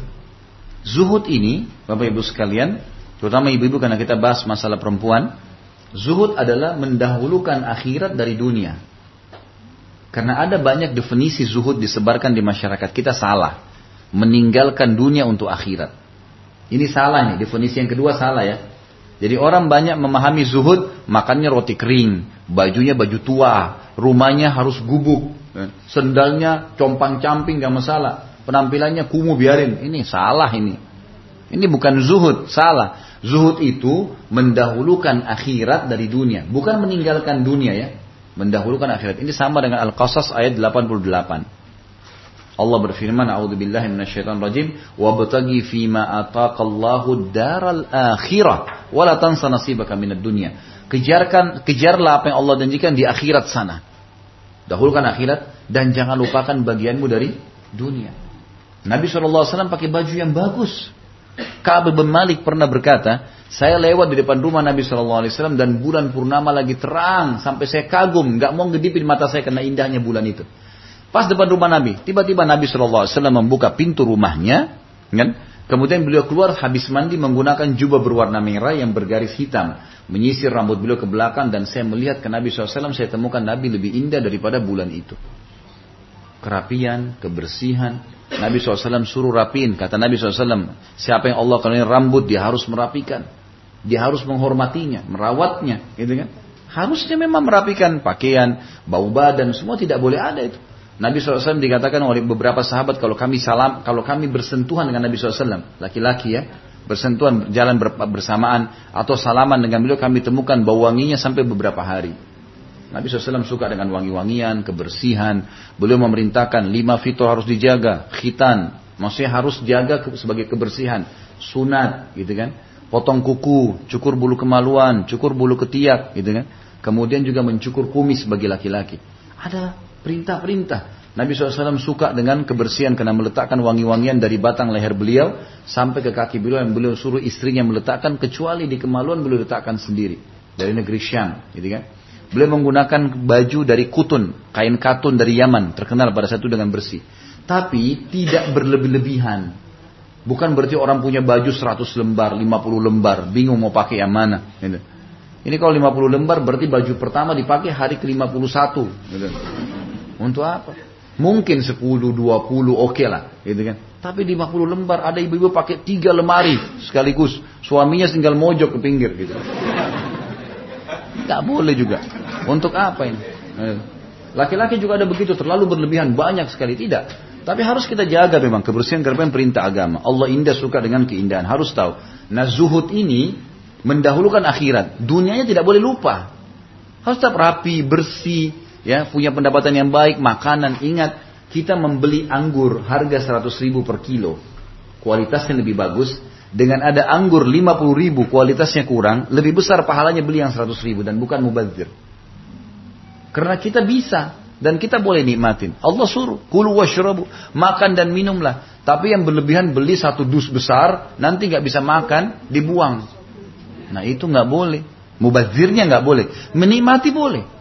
Boleh. Nabi SAW punya kuda terbaik di Jazirah Arab. Boleh pakai mobil mewah. Boleh. Tapi jangan punya 10 mobil. Untuk apa? Untuk apa ini? Mau dipakai hari ke-11 gitu. Kan nggak usah. Nah, lebih baik punya dua mungkin, tiga kalau memang harus ada antara mungkin ya dibutuhin. Kalau bosan nanti dijual ganti model balik kan juga perbaharuan lebih bagus daripada numpuk-numpuk untuk apa gitu. Contohnya. Jadi harus dipahamin ya. Ini beranjak daripada makna zuhud. Kita boleh makan makanan yang baik. Allah SWT menyuruh kita makan makanan yang berkualitas. Halal dan toyib. Halal yang boleh, Tayyib itu berkualitas. Harus kita tahu masalah itu. Ya. Menutup aurat. Menutup aurat maksudnya adalah tidak ketat. Menutup aurat tidak ketat. Banyak orang paham aurat itu kalau terbuka berarti kelihatan kulitnya. Bukan itu. Itu sudah tidak ada khilaf. Tapi yang lebih pekah daripada itu kata ulama adalah yang memperlihatkan membentuk aurat. Memang dia pakai sangat ketat. Laki-laki atau perempuan sama nih. Dihitung menut, eh, memperlihatkan aurat. Jadi kalau misalnya ada seorang wanita jalan pakai celana jeans ketat. Sampai ngepres gitu kan. Dia jalan. Kira-kira bedanya apa pakai celana dan tidak pakai celana? Beda di warna saja. Kalau pakai celana jeans warna biru tidak pakai celana, Allah alam. Tapi yang jelas sudah terbentuk kan gitu, nggak boleh. Tapi kalau di depan pasangan beda ya, justru terbalik, harus. Di depan pasangan harus pakai sesuatu yang bisa membuat pasangan kita tertarik untuk berdekatan dan bercumbuan, karena itu memang perintah agama. Kemudian ridho, ridho itu menerima, suka menerima, pemberian, terima kasih, syukur, gitu kan. Ingat suami sangat tahu, eh, sangat selalu menilai kalau istrinya berterima kasih. Itu penting sekali. Ibu-ibu biasakan berterima kasih itu penting bagi laki-laki, gitu kan. Mungkin bagi ibu misalnya ibu masak nih, kemudian suaminya nggak sempat bilang terima kasih ya sudah masak, ibu nggak apa-apa kan? Kalau suami nggak begitu ya, kalau dia bawain makanan ke rumah, nih, ibu nggak bilang terima kasih besok ditagi sama dia. Itu makanan kemarin saya sudah bawain enak nggak? Nah, Ditanya sama dia. Sebenarnya tujuan cuma bilang, oh iya terima kasih ya. Udah cukup tuh. Dibawain lagi nanti. Ya. Jadi memang begitu. Ada istilah ridho sebenarnya. Tapi difahamin untuk masing-masing sifat. Tenang. Tenang. Tenang dalam menghadapi masalah. Tidak emosional. Emosi tidak akan menyelesaikan masalah. Tidak usah pakai emosi-emosian. Gitu kan. Ada masalah yang benar memaafkan, yang salah minta maaf. Kelirkan. Dan ingat, dalam menghadapi masalah jangan buka pintu setan dengan cara tidak menginapkan masalah. Tidak boleh nginap. Hari ini masalah, hari ini clearkan. Yang salah minta maaf, yang benar maafin. Mulai langsung lembaran baru. Kalau tidak, pastikan membusuk. Besok dibiarin, seminggu, sebulan, cerai itu nanti. Masalahnya berat, setan akan bumbu-bumbuhin terus. Kemudian suci, menjaga kehormatan. Tidak sembarangan bersentuhan dengan yang dilarang dalam agama dan menjaga kesucian diri. Suci maksudnya adalah kemaluan, tidak sembarangan selingkuh. Kemudian menjaga kesucian diri, maksudnya jiwanya. Ya. Ini kalau bahasa agama kita tazkiyat nafs, suci jiwanya. Ya. Jadi dia tahu bagaimana menjaga hubungannya dengan Allah Subhanahu Wa Taala, suci. Ya. Saya kasih contoh begini. Ini contoh lain, bukan dalam masalah rumah tangga ya. Muhammad bin Sirin, salah satu ulama tabi'in, beliau punya kios di pasar, punya kios di pasar. Karena beliau ada di pasar dan beliau ulama besar, muridnya Abdullah bin Umar, Abdullah bin Abbas, ini ulama besar, maka orang-orang banyak sewa tempat di situ. Karena adanya Ibnu Sirin ini. Muhammad bin Sirin terkenal penakwil mimpinya tabi'in. Beliau pernah satu waktu kedatangan pedagang dari luar Irak, kemudian nawarin, ini saya tidak ingat produk apa tapi setahu saya kalau tidak salah keju. Tapi ini syubhat. Haram atau halal nih gitu kan. Ibnu Sirin didatangi oleh orang ini karena orang ini tahu ini ulama besar. Kalau dia yang beli dia bagi ke pasar orang beli dan juga dia tidak usah repot-repot lagi cuma satu orang. Ini orang jujur. Dikasih. Dikasihlah sama dia. Ibnu Sirin tanya, ini halal nggak? Pertanyaan satu. Dia bilang, saya tidak tahu juga. Tapi keju, masa haram gitu kan? Maka kata Ibnu Sirin, maaf saya nggak bisa beli. Saya nggak jadi beli. Padahal waktu itu kalau dia beli untungnya 40 ribu dinar. 40 ribu dirham. Ini bisa belasan bahkan puluhan juta keuntungannya. Begitu dia beli, dia sebarin langsung laku gitu kan. Ditinggalin sama dia. Ringkas cerita nggak jadi transaksi, orang ini jual pada orang-orang lain yang masih kurang imannya dibeli semua sama dia. Ibnu Sirin tidak mau. Besok pagi ada satu orang datang ke toko Ibnu Sirin beli barang dua dirham. Dua dirham, produk kecil. Mungkin kalau sekarang sekarang sudah cukup tinggi. Kalau misalnya satu dirham sekarang 50 ribu ya, mungkin sekitar 100 ribu rupiah. Tapi dulu waktu awal-awal dirham masih masih masih murah. Beli. Kemudian orang ini ambil, dia lupa karena keasyikan ngobrol sama Ibnu Sirin, dia lupa kalau dia sudah bayar atau belum. Tiba-tiba mau keluar dari toko, kata Ibnu Sirin sebentar sebentar. Hai saudaraku, kau belum bayar? Kata dia, saya sudah bayar. Dia yakin. Kata Ibnu Sirin, demi Allah kau belum bayar. Bersumpah atas nama Allah. Untuk dua dirham. Lalu kata dia, ada orang itu, demi Allah saya sudah bayar. Dibalas sama ribut nih, gara-gara dua dirham. Orang-orang pasar pada ngumpul, kata Ibnu Sirin, saudaraku, kau letakkan barang itu kembali, atau kau bayar dua dirham. Karena dia malu, maka dibayar dua dirham. Orang itu pergi. Satu pasar nanya, wahai Ibnu Sirin, kemarin anda tinggalkan 40 ribu dirham karena syubhat. Sekarang anda sumpah memperebutkan dua dirham. Apa kata Ibnu Sirin? Iya, karena saya tahu kalau dia tidak bayar akan haram buat dia barang itu. Saya bersumpah karena itu. Lihat bagaimana pekahnya mereka menjaga kesucian dirinya. Ibnu Sirin pernah beli, Bapak Ibu sekalian, madu satu gentong, 250 kilo madu. Datang orang tawarin, dia tidak ada duit. Lalu dia bilang sama pemilik madunya, saya nggak ada duit nih. Madunya madu asli, madu bagus, mahal. Kata orangnya nggak apa-apa, anda bayar nanti tiga pekan kemudian. Baik. Ada yang muslimin baiklah kalau dituang dari wadahnya penjual kepada wadah dia. Setelah ditutup tokonya malam hari, rupanya Ibnu Sirin rupa tutup gentong itu lupa ditutup. Besok pagi dia buka tokonya, ada tikus mati di situ. Di dalam madu bagian atas ya. Coba kalau Bapak Ibu di sini yang terjadi, satu gentong madu 250 kilo ya. Mungkin sebesar meja ini, gitu kan. Itu ada tikus mati, apa yang Bapak Ibu lakukan? Buang semua. Yakin?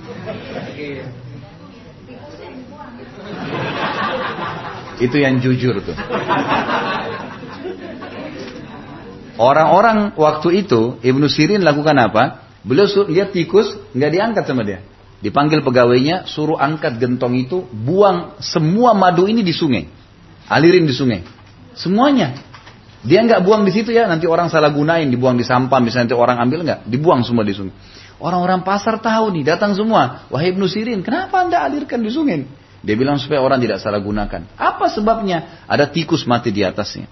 Dalam kisah ini juga dikatakan tikusnya kecil. Maka kata mereka, kan tinggal anda ambil tikusnya, buang sekilo dua kilo, yang lainnya bisa dijual. Kan madu padat ya. Maksudnya mungkin mereka tidak akan masuk ke dalam. Tapi apa kata Ibnu Sirin? Perhatikan orang yang tahu mensucikan jiwanya. Hubungannya dengan Allah dijaga. Dia mengatakan, demi Allah saya tidak tahu tetesan madu mana yang kena bakteri bangke itu. Sehingga kalau saya jual sama muslim muslim lain, maka saya bisa menipunya dan saya dihukum sama Allah hari kiamat. Coba bayangin. Suci jiwanya, luar biasa. Orang-orang seperti ini luar biasa karena sudah mengenal Tuhan. Dia tidak akan menipu dirinya, tidak akan nipu, karena tahu Tuhan, dia tidak akan nipu pasangannya. Ini sifat yang luar biasa. Gitu. Imam Nawawi pernah tidak makan kambing satu bulan. Gara-gara tetangganya datang pagi-pagi nawarin. Ya apa bilang? Wahai imam, kambing saya hilang tadi pagi. Kata Imam Nawawi, kalau kalau kau sudah temukan kambingmu, beritain ke saya ya. Orang ini nggak tahu kenapa Imam Nawawi bilang itu. Tiap hari Imam Nawawi tanya, kau sudah temukan kambingmu? Belum. Hari kedua, sudah temukan kambingmu? Belum. Tiap hari Nawawi tanya.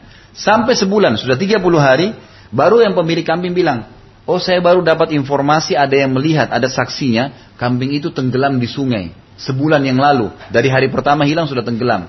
Imam Nawawi mengatakan Alhamdulillah kalau gitu. Mulai hari itu Imam Nawawi kembali beli kambing. Sebulan nggak beli kambing. nggak beli daging mentah, nggak beli kambing hidup. Takut kalau itu kambing tetangganya. Coba bayangin bagaimana mereka sucikan jiwanya. Itu perlu dibina ya, namanya tazkiyatun nafs. Kemudian pelan suaranya. Ciri perempuan ya, santun, suaranya lembut. Ya. Tentu nanti kita juga akan sebutkan laki-laki begitu ya. Walaupun dia tegar, walaupun dia kekar, tapi suaranya tetap baik sama istrinya. Gitu. Nanti akan kita bahas di sifat suami. Tapi yang jelas perempuan cirinya harus lembut, pelan suaranya. Ini ciri khas, bisa merebut hati suaminya. Kemudian penuh kasih, ya. Kasih tentu dia selalu mendahulukan siapa yang dicintai daripada dirinya. Ya. Penyabar, sabar artinya terima takdir Allah dan ikhtiar. Kita bangun pagi sakit flu, kalau kita sabar adalah kita terima dulu itu sebagai takdir Allah, kemudian kita ikhtiar berobat. Nah itu namanya sabar. Jadi penyabar maksudnya gitu. Kalau ada masalah, diterima dulu baru ikhtiar. Bukan berarti sabar duduk manis ya, menunggu enggak. Kayak di Indonesia kita disuruh sabar ya, disuruh lus dadanya sabar. Ini salah. Ini enggak benar. Setia. Ada kalau ditonton di YouTube ada ceramah saya. Uh, Eh, pilar ya, dua kalau tidak salah 15 atau 20 pilar. Saya sudah melengkapkan saya sampai 20 pilar. 20 pilar mempertahankan rumah tangga. Kalau tidak salah di YouTube itu baru 15 pilar. Tapi salah satunya adalah lampiaskan semua ya cinta, sayang, kebutuhan apa pun dengan lawan jenis kepada pasangan. Nggak boleh direm-rem nih. Puasin semua sentuhannya, ciumannya, pelukannya, hubungan biologisnya sampai capek. Memang harus begitu.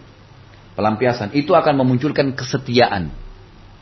Banyak orang diredam oleh setan kata ulama di, di poin itu. Udahlah nggak usah berlebihan.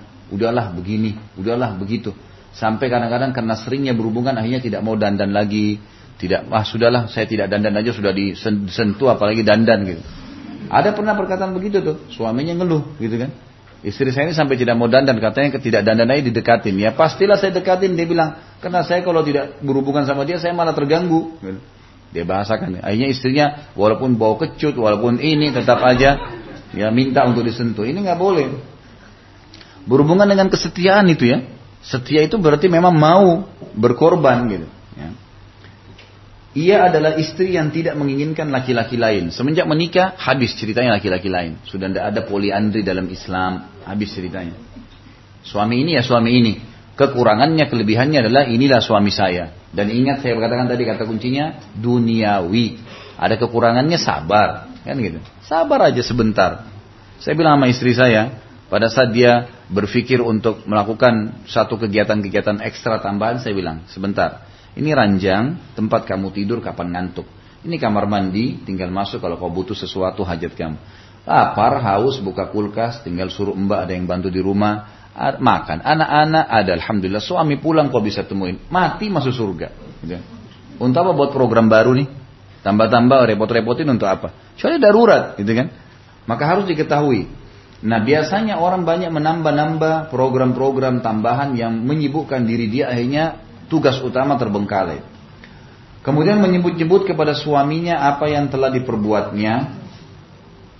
Di sini ya dikatakan di sini uh, ia ia istri yang tidak. Jadi mulai dari kata-kata kalau yang pegang buku dikasih garis ia tidak menginginkan laki-laki lain.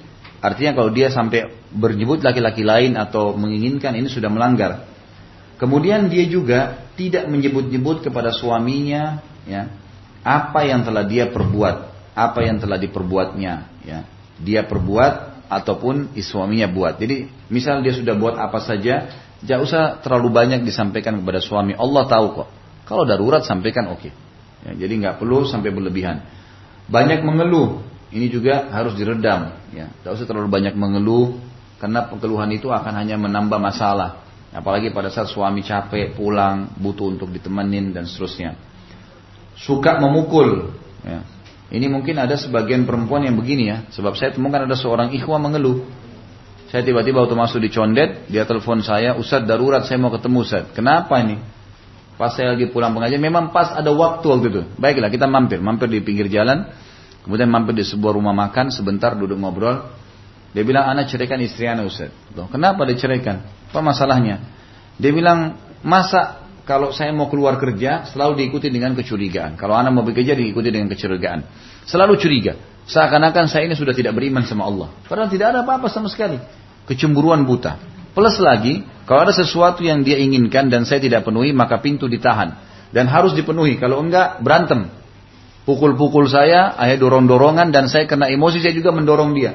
Ini selalu terjadi sudah saya ingatkan. Jangan pancing emosi saya sebagai laki-laki berbahaya. Tidak mau dengar. Akhirnya terjadi pukul-pukulan dan pisah gara-gara itu. Dipulangkan. Setelah dipantar pulang ke orang tuanya baru nyesel. Gitu ya. Baru minta-minta kembali. Ya, ini tidak boleh sebenarnya. Jangan sampai menggunakan pukulan. Karena kalau ibu sudah mulai mukul, suami lebih kuat. Gitu. Nggak boleh. Dia lebih keras pukulannya nanti. Gitu. Tapi kalau dirangkul, ya pukulan mendatangkan pukulan, rangkulan mendatangkan Alhamdulillah. Rangkulan juga. Pasti. Kan gitu. Kemudian gemar bersolek. Ini ya. Dalam arti kata di sini yang dia maksud e, berdandan buat suami ya, itu boleh. Tapi bersolek selain suami, selain mahram tidak boleh. Di mahram pun ada batas. Mahram pun ada batas. Ayah, saudara, paman, keponakan, semua mahram tidak boleh nikah. Tapi ada batas ya. Yang mereka boleh lihat leher ke atas, siku ke bawah, lutut ke bawah. Selain daripada ini tidak boleh. Kan itu. Tidak boleh dilihat oleh mahram. Ya, jadi harusnya dijaga, dikontrol. Sama mahram pun, kecuali suami. Suami berbeda, semuanya tidak masalah. Kemudian ada juga di sini sifat-sifat yang tidak baik adalah penipu. Ada perempuan yang begitu ya, yang membawaan dia. Dan ini pelanggaran agama, pendusta. Ini sudah pernah juga saya jelaskan, jangan pernah membuka pintu dusta karena dusta itu berbahaya sekali. Ya. Pernah ditanya kepada Nabi Shallallahu Alaihi Wasallam, apakah orang mukmin itu bisa bisa penakut? Ya, bisa saja dia takut, kata Nabi SAW, iya. Apakah orang mukmin bisa pelit, masih perhitungan? Kata Nabi SAW, iya. Lalu kata Nabi, kata sahabat tersebut, apakah orang mukmin berdusta? Kata Nabi SAW, tidak. Tidak akan pernah ada dusta dalam kehidupan. Menginginkan segala yang dilihatnya, ini juga tidak boleh ya. Yang tidak boleh ini. Jadi setiap apa yang dilihat tidak semuanya harus dibeli, ibu-ibu sekalian.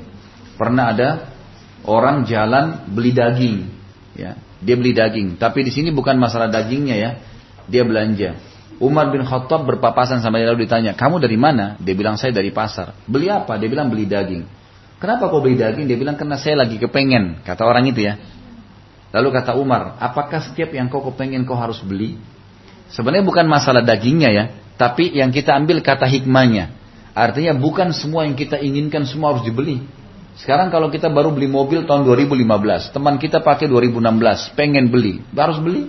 Kan tidak harus. Gitu kan? Tidak harus semuanya yang kita lihat kita beli. Kemudian berkata-kata yang dibuat-buat. Ya. Sama saja dengan dusta sebenarnya ya. Ini sebaiknya dihindari. Gemar bermain, banyak tertawa, Ya. Kemudian ini semua sifat-sifat yang tidak dianjurkan, ya, tidak boleh ada. Artinya boleh bercanda, boleh tertawa, tapi jangan sampai hal-hal yang berlebihan. Ya. Ibu-ibu harus tahu kalau perempuan tertawa terbahak-bahak berlebihan itu laki-laki nggak suka. Emang dia nggak suka sebenarnya. Tapi mungkin dia tidak bahasakan ya.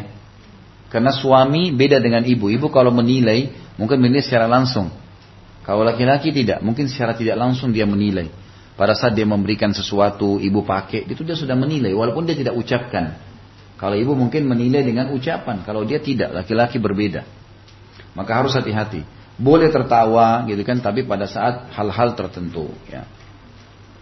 Kemudian juga dikatakan pasrah. Sebenarnya terjemahnya bukan pasrah di sini ya. Artinya orang yang e, tidak punya prinsip. Bahasa langsungnya begitu, tidak punya prinsip.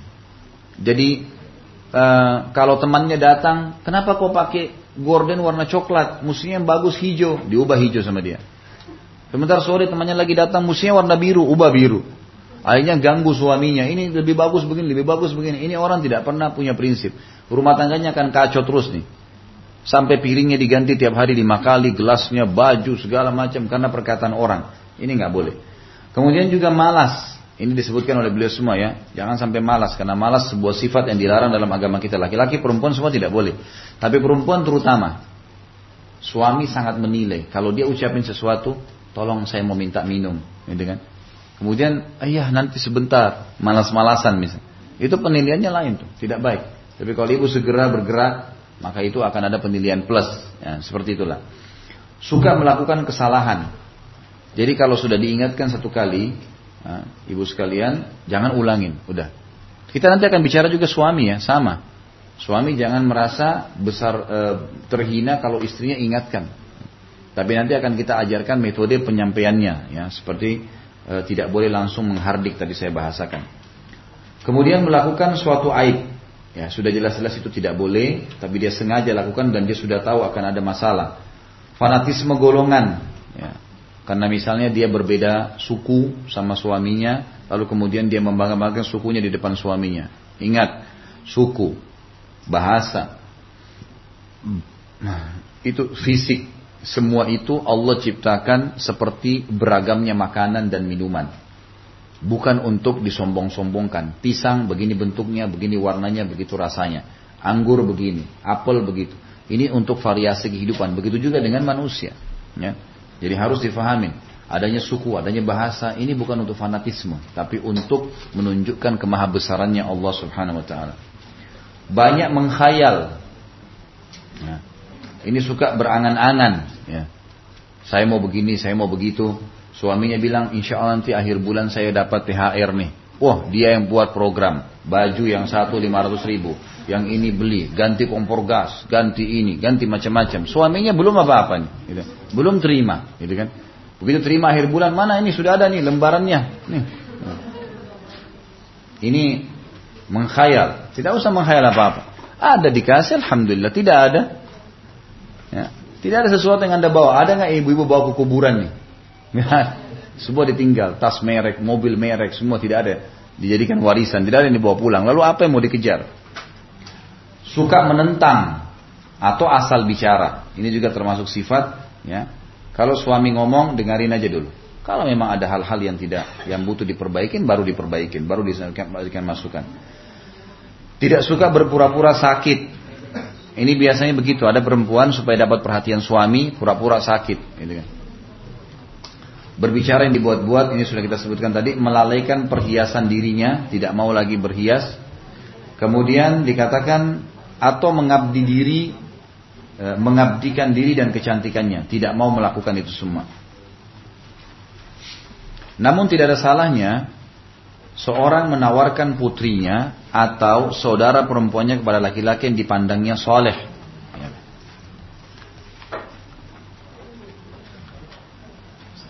Kalau ada laki-laki soleh, saya sudah pernah bilang tidak aib, tidak aib kalau kita menawarkan diri seorang muslim menawarkan dirinya pada laki-laki soleh tapi dengan cara yang santun atau ya e, saudaranya tawarkan saudarinya atau orang tua tawarkan anaknya kepada laki-laki dipandangnya soleh. Nabi Shu'aib alaihissalam telah menawarkan putrinya kepada Musa alaihissalam sebagaimana Allah menceritakan dalam surah Al-Qasas ayat 27. A'udzu billahi minasyaitonir rajim. Qala inni uridu an unkihaka ihda ibnatayya hatain. Al-ayat. Dan Shu'aib berkata kepada Musa, aku bermaksud menikahkan kamu dengan salah satu dari kedua anakku ini. Umar Al-Faruq juga telah menawarkan putrinya Hafsah radhiyallahu anha radhiyallahu anha majma'in setelah kematian suaminya. Sebagaimana diriwayatkan Imam Bukhari dan selain dari Umar juga eh, eh, apa namanya? Dan selainnya dari Umar ya, ketika putrinya menjanda.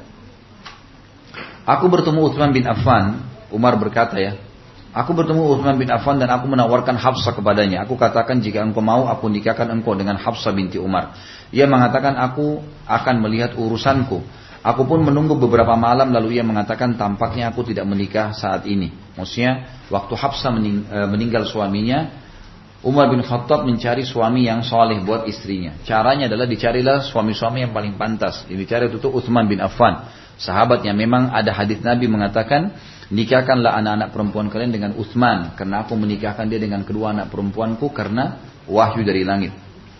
Kemudian dikatakan jika engkau e, lalu ternyata berapa malam um, uh, Uthman mengatakan aku tidak ingin nikah sekarang. Umar berkata aku pun bertemu dengan Abu Bakar dan aku katakan jika engkau aku nikahkan engkau dengan Hafsah binti Umar. Abu Bakar diam dan tidak memberikan jawaban apa pun kepadaku kata Umar. Aku pun lebih sedih dan kesal padanya daripada terhadap Uthman. Aku pun menunggu beberapa malam kemudian Rasulullah SAW meminangnya. Maka aku pun menikahkannya dengan Nabi SAW.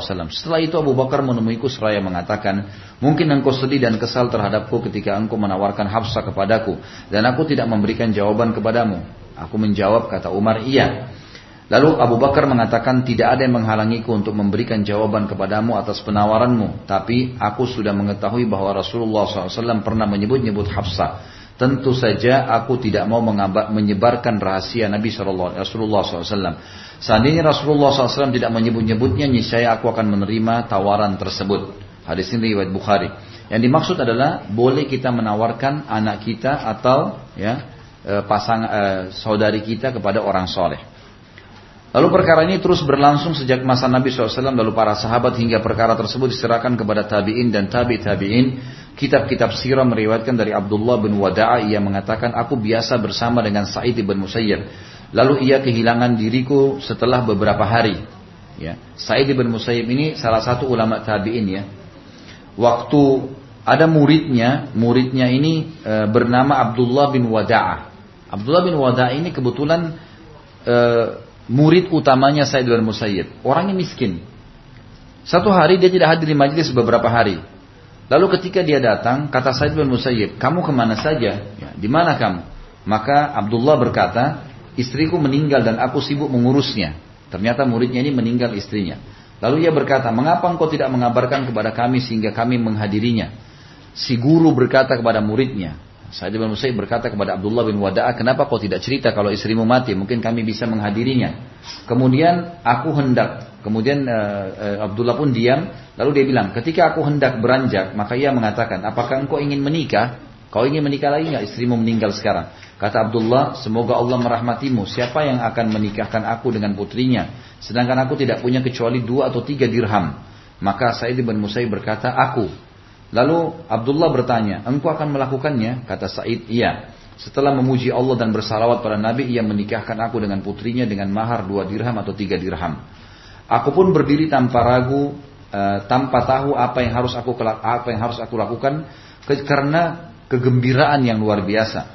Aku pun kembali ke rumahku dan mulai berpikir dari siapa aku akan mengambil atau dari siapa yang akan aku utang untuk memberikan makan.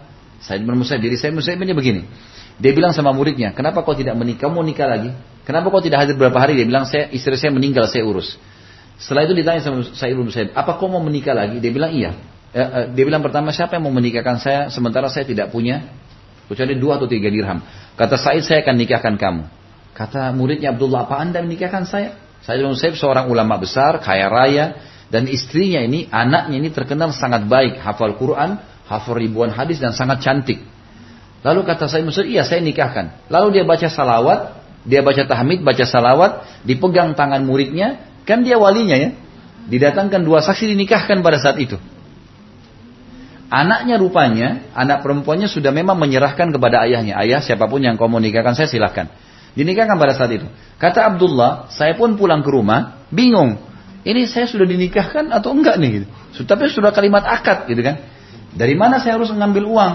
Dia bilang pada saat itu, saya pulang ke rumah, aku pun sholat maghrib. Ya, setelah sholat maghrib pulang ke rumah. Setelah itu kembali ke rumah. Aku lapar karena berpuasa. Waktu itu dia lagi hari puasa, hari Senin. Lalu aku mengambil makan malamku dan berbuka. Makanan itu berupa roti dan minyak. Karena miskinnya nggak ada, roti dicelupin di minyak. Ya. Tiba-tiba pintu terketuk, maka aku bertanya, siapa kira-kira yang datang nih? Tidak biasanya orang datang kunjungin dia di waktu maghrib. Lalu aku bertanya, siapa itu? Tiba-tiba terdengar suara Said. Ya.